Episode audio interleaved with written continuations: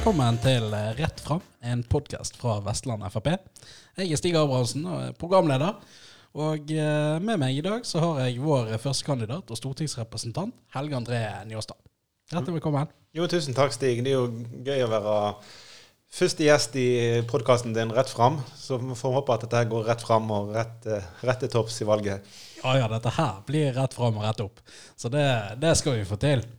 Men eh, i dag tenkte jeg Helga på den første podkasten liksom eh, få, få, litt vite hvordan, eh, hvordan, egentlig disse her store sakene utspiller seg på Stortinget.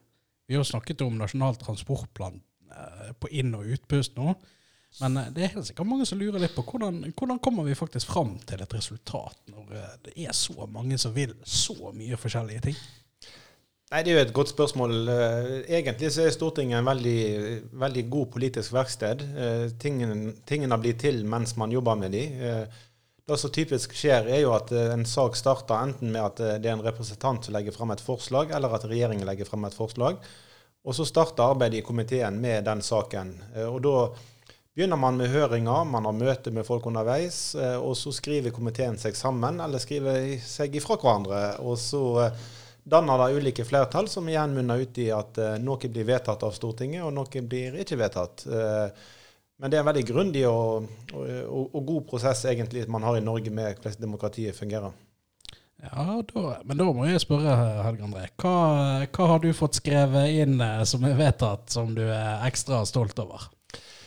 I NTP så er det ikke så veldig masse av det som jeg har skrevet inn, som er blitt vedtatt. Fordi at uh, Det som skjedde med Nasjonal transportplan, var at regjeringen la fram en, en plan uh, som vi syntes var litt defensiv. Uh, kun med 1200 milliarder. Det høres ut som et veldig stort beløp, men skal du bruke det over tolv år, så er det jo ikke så veldig mye penger. Så Fremskrittspartiet mente vi skulle bruke mer penger. Fordi at vi rett og slett trenger å bygge landet og trenger å satse mer på vei enn det som regjeringen hadde lyst til.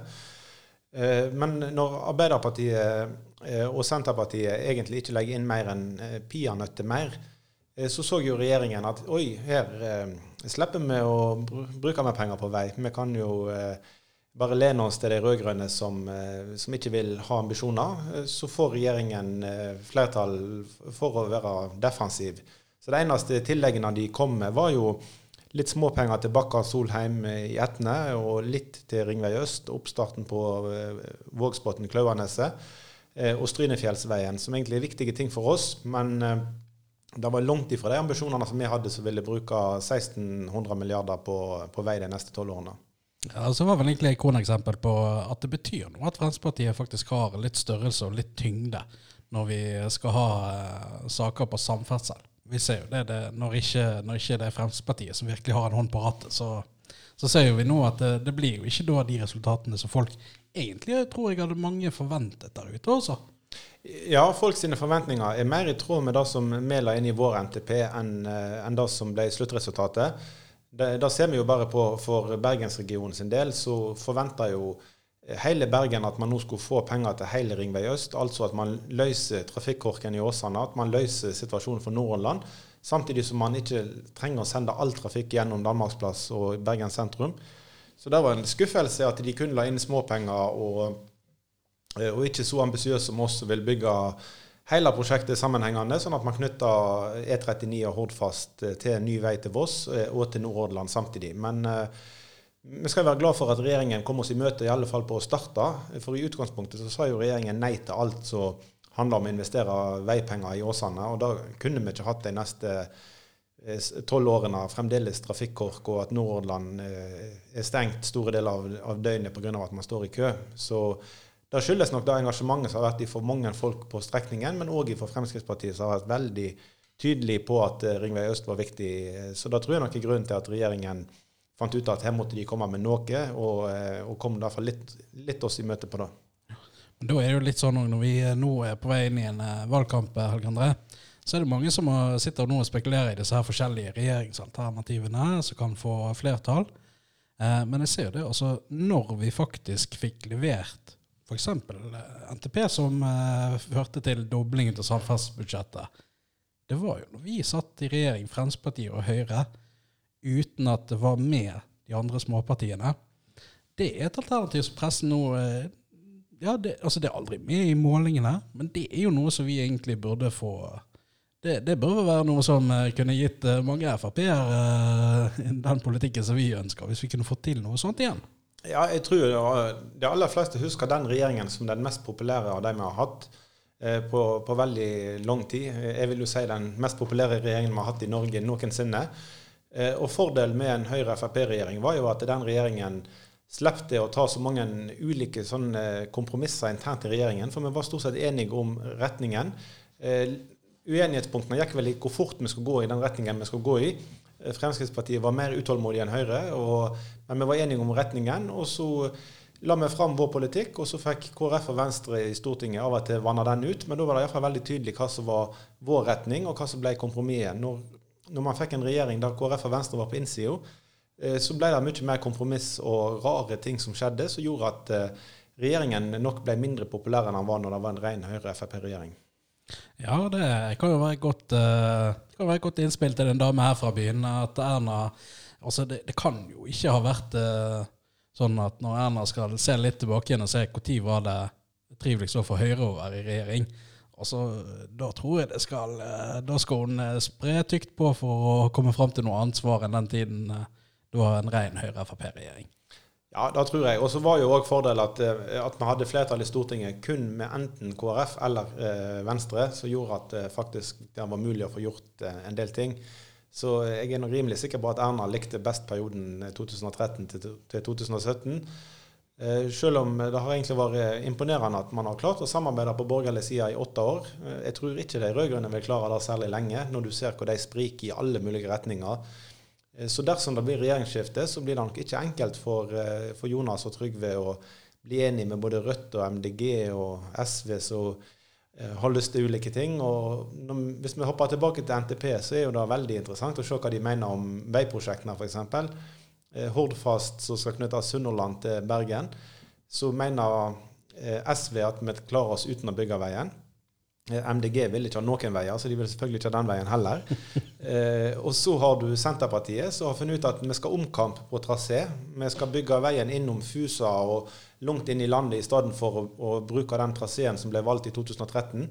Eh, og da har Vegvesenet jobba siden 2013 med detaljplaner. Så det sikreste er jo å sette i gang en ny trasédebatt, så er du sikker på at pengene havner andre plasser enn på Vestlandet. Og så har du Arbeiderpartiet som lokalt eh, vil ha omkamp på trasé, eh, og så sentralt sier at de vil bygge den traseen som er valgt. Men hva en rød-grønn regjering vil gjøre, om de vil bygge veien og hvor de vil bygge den, aner vi rett og slett ikke. Så alle som er opptatt av veibygging på Vestlandet, bør iallfall tenke seg nøye om før de sørger for et nytt stortingsflertall, for da setter ting i spill. Ja, det er jo noe med òg altså, vi, vi, har av og til måttet gå på noen kompromisser for å få gjennomslag eh, den tiden vi har vært i regjering. Men vi har òg doblet samferdselsbudsjettet. Vi har fått mye flere kroner til asfalt. Det vet vi at våre velgere setter pris på. Men når du ser på den andre siden, så altså, det var vel ikke akkurat noe sånn tillitsvotum til at rød-grønt uh, styre at det, det, kommer til å holde helt i havn, og at de inngår gode kompromisser for landet. Uh, når vi så hvordan uh, Lan Marie Berg håndterte at bystyret i Oslo hadde mistillit mot henne nå skal jo hun eh, på full fart inn i Stortinget og være en del av Jonas sitt lag for å få flertall. Så eh, her er vel der er vel noen skjær i sjøen for eh, rød-grønn eh, sånn feststemning òg hos her. Ja, og det er jo skikkelig bekymringsfullt det med MDG. Nå har jo heldigvis MDG kun, kun jobba for å ødelegge Oslo og Bergen. Men kommer de på vippen nasjonalt og skal dra den bilfiendtlige politikken med seg i hele Norge, så blir det skikkelig ille. altså. For eh, jaggu meg har de gjort mye skade i Oslo. Eh, gjort det umulig for folk å, å ha bil. og gjort mye vanskeligheter. I Bergen så ser vi òg store, store problemer med MDG-politikk. De har jo gått imot Ringvei øst sånn som den var planlagt, og lagt masse vanskeligheter.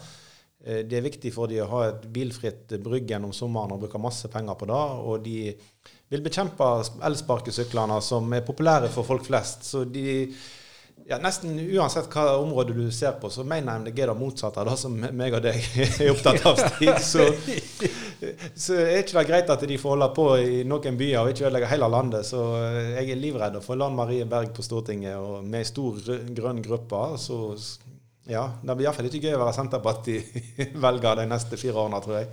Ja, jeg tror eh, vi får mobilisere her nå eh, på vei inn i valgkampen, Helge André. Sørge for at vi kunne fått et, eh, i hvert fall hvis vi får et borgerlig flertall, og igjen kunne fått tilbake igjen en Høyre-Frp-regjering, og vi kunne begynt å kjøre en politikk med en klar retning, så hadde vi òg levd godt med det. Og jeg tror våre velgere hadde satt veldig pris på å kunne komme tilbake igjen til en sånn situasjon.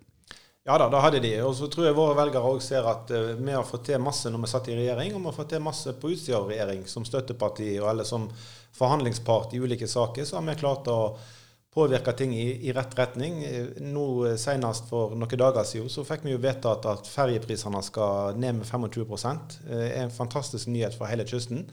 Det er jo et resultat vi aldri hadde fått, kunne drømt om for en tid tilbake, men nå klarte vi å bruke vår maktposisjon til å presse på plass lavere ferjepriser. Så det er kjempeviktig for, for alle som ikke er så heldige som dere på Askøy som har fått bru. Men for oss som ikke har fått bru, så betyr det masse for folks mulighet til å kunne bo der de eh, bor på øyene, og så kunne jobbe på fastlandet eller drive næringsvirksomhet på øyene. Så er det et fantastisk eh, resultat av Frp-politikk å få eh, ferjeprisene ned 1.7.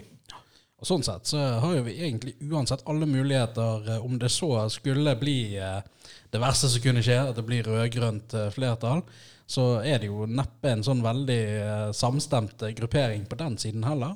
Og da er et, fremst, et sterkt Frp i Stortinget, det kan òg bety gjennomslag for Frp-saker, uansett hvor, eh, hvor, på siden, hva side som får flertall i liksom det der store bildet som vi som oftest leser om i riksmediene.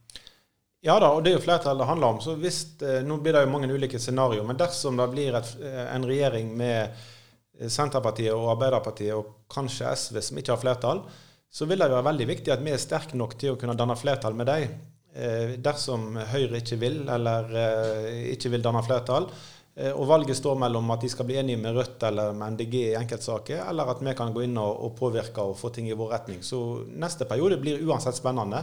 Men det aller beste er jo hvis vi har et borgerlig flertall i bunn som gjør at, at vår innflytelse blir ekstra sterk. Det er jo det aller viktigste. Men uh, uansett så tror jeg at neste periode vil, vil være litt uh, komplisert uh, sammensetning, som gjør at det er mulig å danne ulike flertall. Som gjør at det er viktig at vi er sterkest mulig, sånn at vi kan få sett vårt fotavtrykk på tingene. Ja, det, vi har jo også, Nå har vi vært innom litt de harde sakene, Helge André. men jeg så jo det at vi faktisk fikk et Vi fikk jo endelig gjennomslag òg på noe som gikk på pensjon. Vi har fått uh, sørge for at uh, det ikke er noen sånn underregulering, verken for 21, og vi har òg kompensert for den underreguleringen som var i 2020. Så vi har jo klart å få uh, Og det var jo òg et litt kreativt sammensetning av, av partier som, som, sørger for det. Men det er jo et initiativ som vi tok sammen med SV, faktisk. Ja, og Pensjonistforbundet. Så det viser jo at faktisk her er det mulig å som et eh, vippeparti i Stortinget og danner flertall på ulike sider. De aller fleste gjennomslagene våre har vi jo fått i lag med Høyre, Venstre og KrF de siste åtte årene. Men pensjon er et eksempel på en sak der faktisk eh, Arbeiderpartiet, SV og Senterpartiet har funnet sammen med oss. Og vi eh, får da en, en, skikkelig håndsrekning til landets pensjonister som er fantastisk bra, eh, og viser jo at vi kan samarbeide i ulike retninger for å gjøre hverdagen enklere for folk flest. Ja, og så vet du, ute på Askøy så er det én ting vi sitter og, og, er både veldig glad for, men som vi òg er litt bekymret for framtiden til. Det er at vi nå har fått eh, statlig finansiering av eldreomsorgen. Eh, nå sitter vi og planlegger hvordan skal vi bygge ut, og hvordan skal vi forbedre tilbudet vårt. Det er snakk om faktisk en 40 millioner kroner inn i omsorgstjenestene ute i Askøy. Det betyr at det er ingen som lenger skal måtte vente på å få en sykehjemsplass, vente på å få tildelt hjemmesykepleie. Men dette her skal jo opp i neste periode om det skal tilbake igjen til det gode, gamle systemet som, eh, altså som samtlige partier utenom Fremskrittspartiet alltid har hegnet om. At de skal bare sende en liten pott med penger til alle kommunene. Og så blir det da eh, opp til om, eh, om man har klart å finne penger i budsjett som gjør til om de eldre får de tjenester de skal når de trenger de eller om vi skal fortsette med den modellen som vi er på inn i nå, hvor pengene går direkte til, eh, til oss idet vi har et behov. Med en gang noen trenger en sykehjemsplass, så er den dekket automatisk. Dette er en av de sakene som, eh, som virkelig betyr noe for oss uh, askøyværinger nå, Helge André. Ja, da, forstår jeg veldig godt. For de to systemene du beskriver, er jo ekstremt eh, viktig for de som trenger eldreomsorg. Enten så har du et system som er Frp-modellen, der pengene kommer når behovet er der. Uansett hvor god kommuneøkonomi du har, eller hvordan du prioriterer i kommunen, så eh, er eldreomsorg så viktig at pengene kommer når behovet er der. Det er vår modell. De andre sin modell er jo at eh, kommunene får en pose penger, som du sier, og så får de gjøre det beste ut av det. Og så er det jo ikke krise om de kutter litt på eldreomsorgen, for de eldre Eh, er ikke de som er ivrigst på å, klage og, og, og, lage spetakkel for kommunestyret. så Derfor så er det ofte at kommuner kutter i eldreomsorgshjemmet. Eh, og Det er derfor så er grunnen til at vi har tatt så initiativ til den nye modellen vår. Eh, og den har ikke de rød-grønne applaudert. De har derimot sagt at de vil reversere ordningen. Så det betyr jo at de som er opptatt av god eldreomsorg på Askøy, Eh, kan ikke finne på å stemme på rød-grønne parti, fordi da stemmer de for noe som tar penger vekk fra de eldre på Askøy. Men stemmer de på deg, Stig, så er de med og stemmer på at eh, de eldre på Askøy skal få det behovet de har krav på når behovet er der, uavhengig av kommunens økonomi. Så eh, valget på Aske blir veldig viktig for, for eldreomsorgen. Det blir det. Og så er det én siste ting som jeg tenker vi må runde innom eh, når vi har vår første podkast. Og det er dette her hvordan skal vi som samfunn betale for alt det vi ønsker? For det altså Vi har store ønsker. Venstresiden, altså de, de, de løftene som de er ute og springer med nå for tiden, de koster på milliarder på milliarder. Men det er en konkurranse på i hvert fall hele venstresiden, og langt inn på borgerlig side òg, med Høyre og Venstre og KrF, med forskjellige næringer som er fy-fy. Olje- og gassnæringen er jo første fiende for mange. Eh, oppdrettsnæringen, kjempeviktig for oss. Og det, det, som skal bli en ny viktig næring, det er å kunne utvinne mineraler fra havbunnen. Vi må jo faktisk òg ha et sterkt Frp som kjemper for å faktisk skape nye verdier i dette landet, sånn at vi har noe å fordele. Absolutt. Og vi er nødt til å ha private bedrifter som tar risiko, investerer og skaper arbeidsplasser for å skape verdier. Så vi er nødt til å ha en ny politikk i hvordan vi omtaler de som står på for å skape de verdiene. Eh, I dag har vi et system der man kappes om å si at eh, å, å gi skattelette til de som har mest fra før. Har du hørt Jonas og Trygve snakke om det? At eh, man gir til de som har mest fra før. Egentlig er det jo tull, for vi gir de ingenting. Vi bare tar litt mindre. Bare hele den tankegangen at man i, i, Oslo tenker at man skal gi noe til de som skaper arbeidsplasser. Det, vår politikk er at vi skal ta litt mindre ifra de. Og vi at, eller vi vet at hvis man tar mindre ifra de, så vil de pengene som de før har betalt i formuesskatt eller i skatte og avgifter til staten, vil bli brukt til å trygge arbeidsplasser, vil bli brukt til å investere i ny verdiskapning, som igjen skaper flere skatteinntekter fordi man får eh, mer overskudd i bedriftene, og man får eh, flere folk som jobber og da betaler skatt. Eh, så jeg er rimelig sikker på at hvis vi fjerner formuesskatten, så vil det bidra til større aktivitet i Norge, som igjen gir større inntekter, som igjen trygger statsbudsjettene i framtida. Eh, så for oss handler det ikke om å gi til de som har mest fra før. For oss handler det om å legge forholdene til rette til at de som tar risiko og skaper arbeidsplasser, faktisk eh, får et eh, konkurransevilkår som er likt som de som de konkurrerer mot, som utlendinger.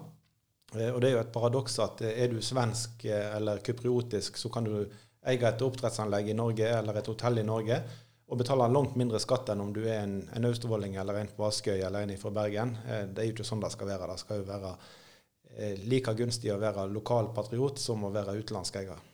Ja, jeg tror det. Altså, men der er det litt sånn fagøkonomer og disse her eh, Ja, ja, altså de fagøkonomene vi hører fra, er jo som oftest ansatt i en eller annen tenketank eller tilknyttet egentlig en eller annen side i politikken. Det er jo, det er jo akkurat som eh, de, de, kan nesten begynne å gå med sånne pins, de òg. Men, men, det er noe med det der at hvis, hvis det er mer penger igjen ute i bedriftene, så bruker de de på å investere i nye arbeidsplasser, ny verdiskapning. Hvis vi skattlegger de, ja, da går de rett inn på offentlige budsjetter. Jeg tror Folk flest skjønner jo at hvis, eh, hvis, du bare tar med fra bedriftene, så blir det mindre til å ansette folk i privat næringsliv. Det er ganske enkel logikk. Ja, Absolutt. Og alle vi reiser rundt og treffer på Vestlandet, forstår jo dette veldig godt. Eh, så det er jo kun inne i Oslo-bobla at eh, man lager seg til en sånn historie om at dette har ingen effekt. Det er jo der de rød-grønne hele tida sier at man kan ikke bevise at det har en effekt. Med formuesskatten f.eks., men selvfølgelig har det jo det. Eh, og vi er nødt til å, å ha noe å leve av i framtida. Da kan ikke alle være offentlig ansatte. Vi er nødt til å ha et sterkt privat næringsliv i Norge skal vi klare oss i framtida. Ja, det, det er òg eh, det som de har begynt å snakke som jeg kom til å tenke på når du snakket om hvordan de håndterer norsk næringsliv. og hvordan de snakker om norsk næringsliv. Det begynte, de bygger en veldig dårlig kultur for det å være næringsdrivende i Norge. Altså Et begrep som jeg har lyst til å ta opp. Velferdsprofitør. Det er faktisk altså det profitørbegrepet. Det begrepet som vi brukte på de som tjente seg rik på å samarbeide med tyskerne under okkupasjonen. Det er nå det kallenavn de har på alle som driver private barnehager, ideelle sykehjem eller stiftelser, og som er i privat eie ute i kommunene og leverer tjenester som vi innbyggerne er godt fornøyd med. De blir stemplet som profitører. Helge vi har litt å ta tak i. Vi har det, og det er veldig viktig at vi ikke aksepterer venstresida sin måte å snakke ned folk på.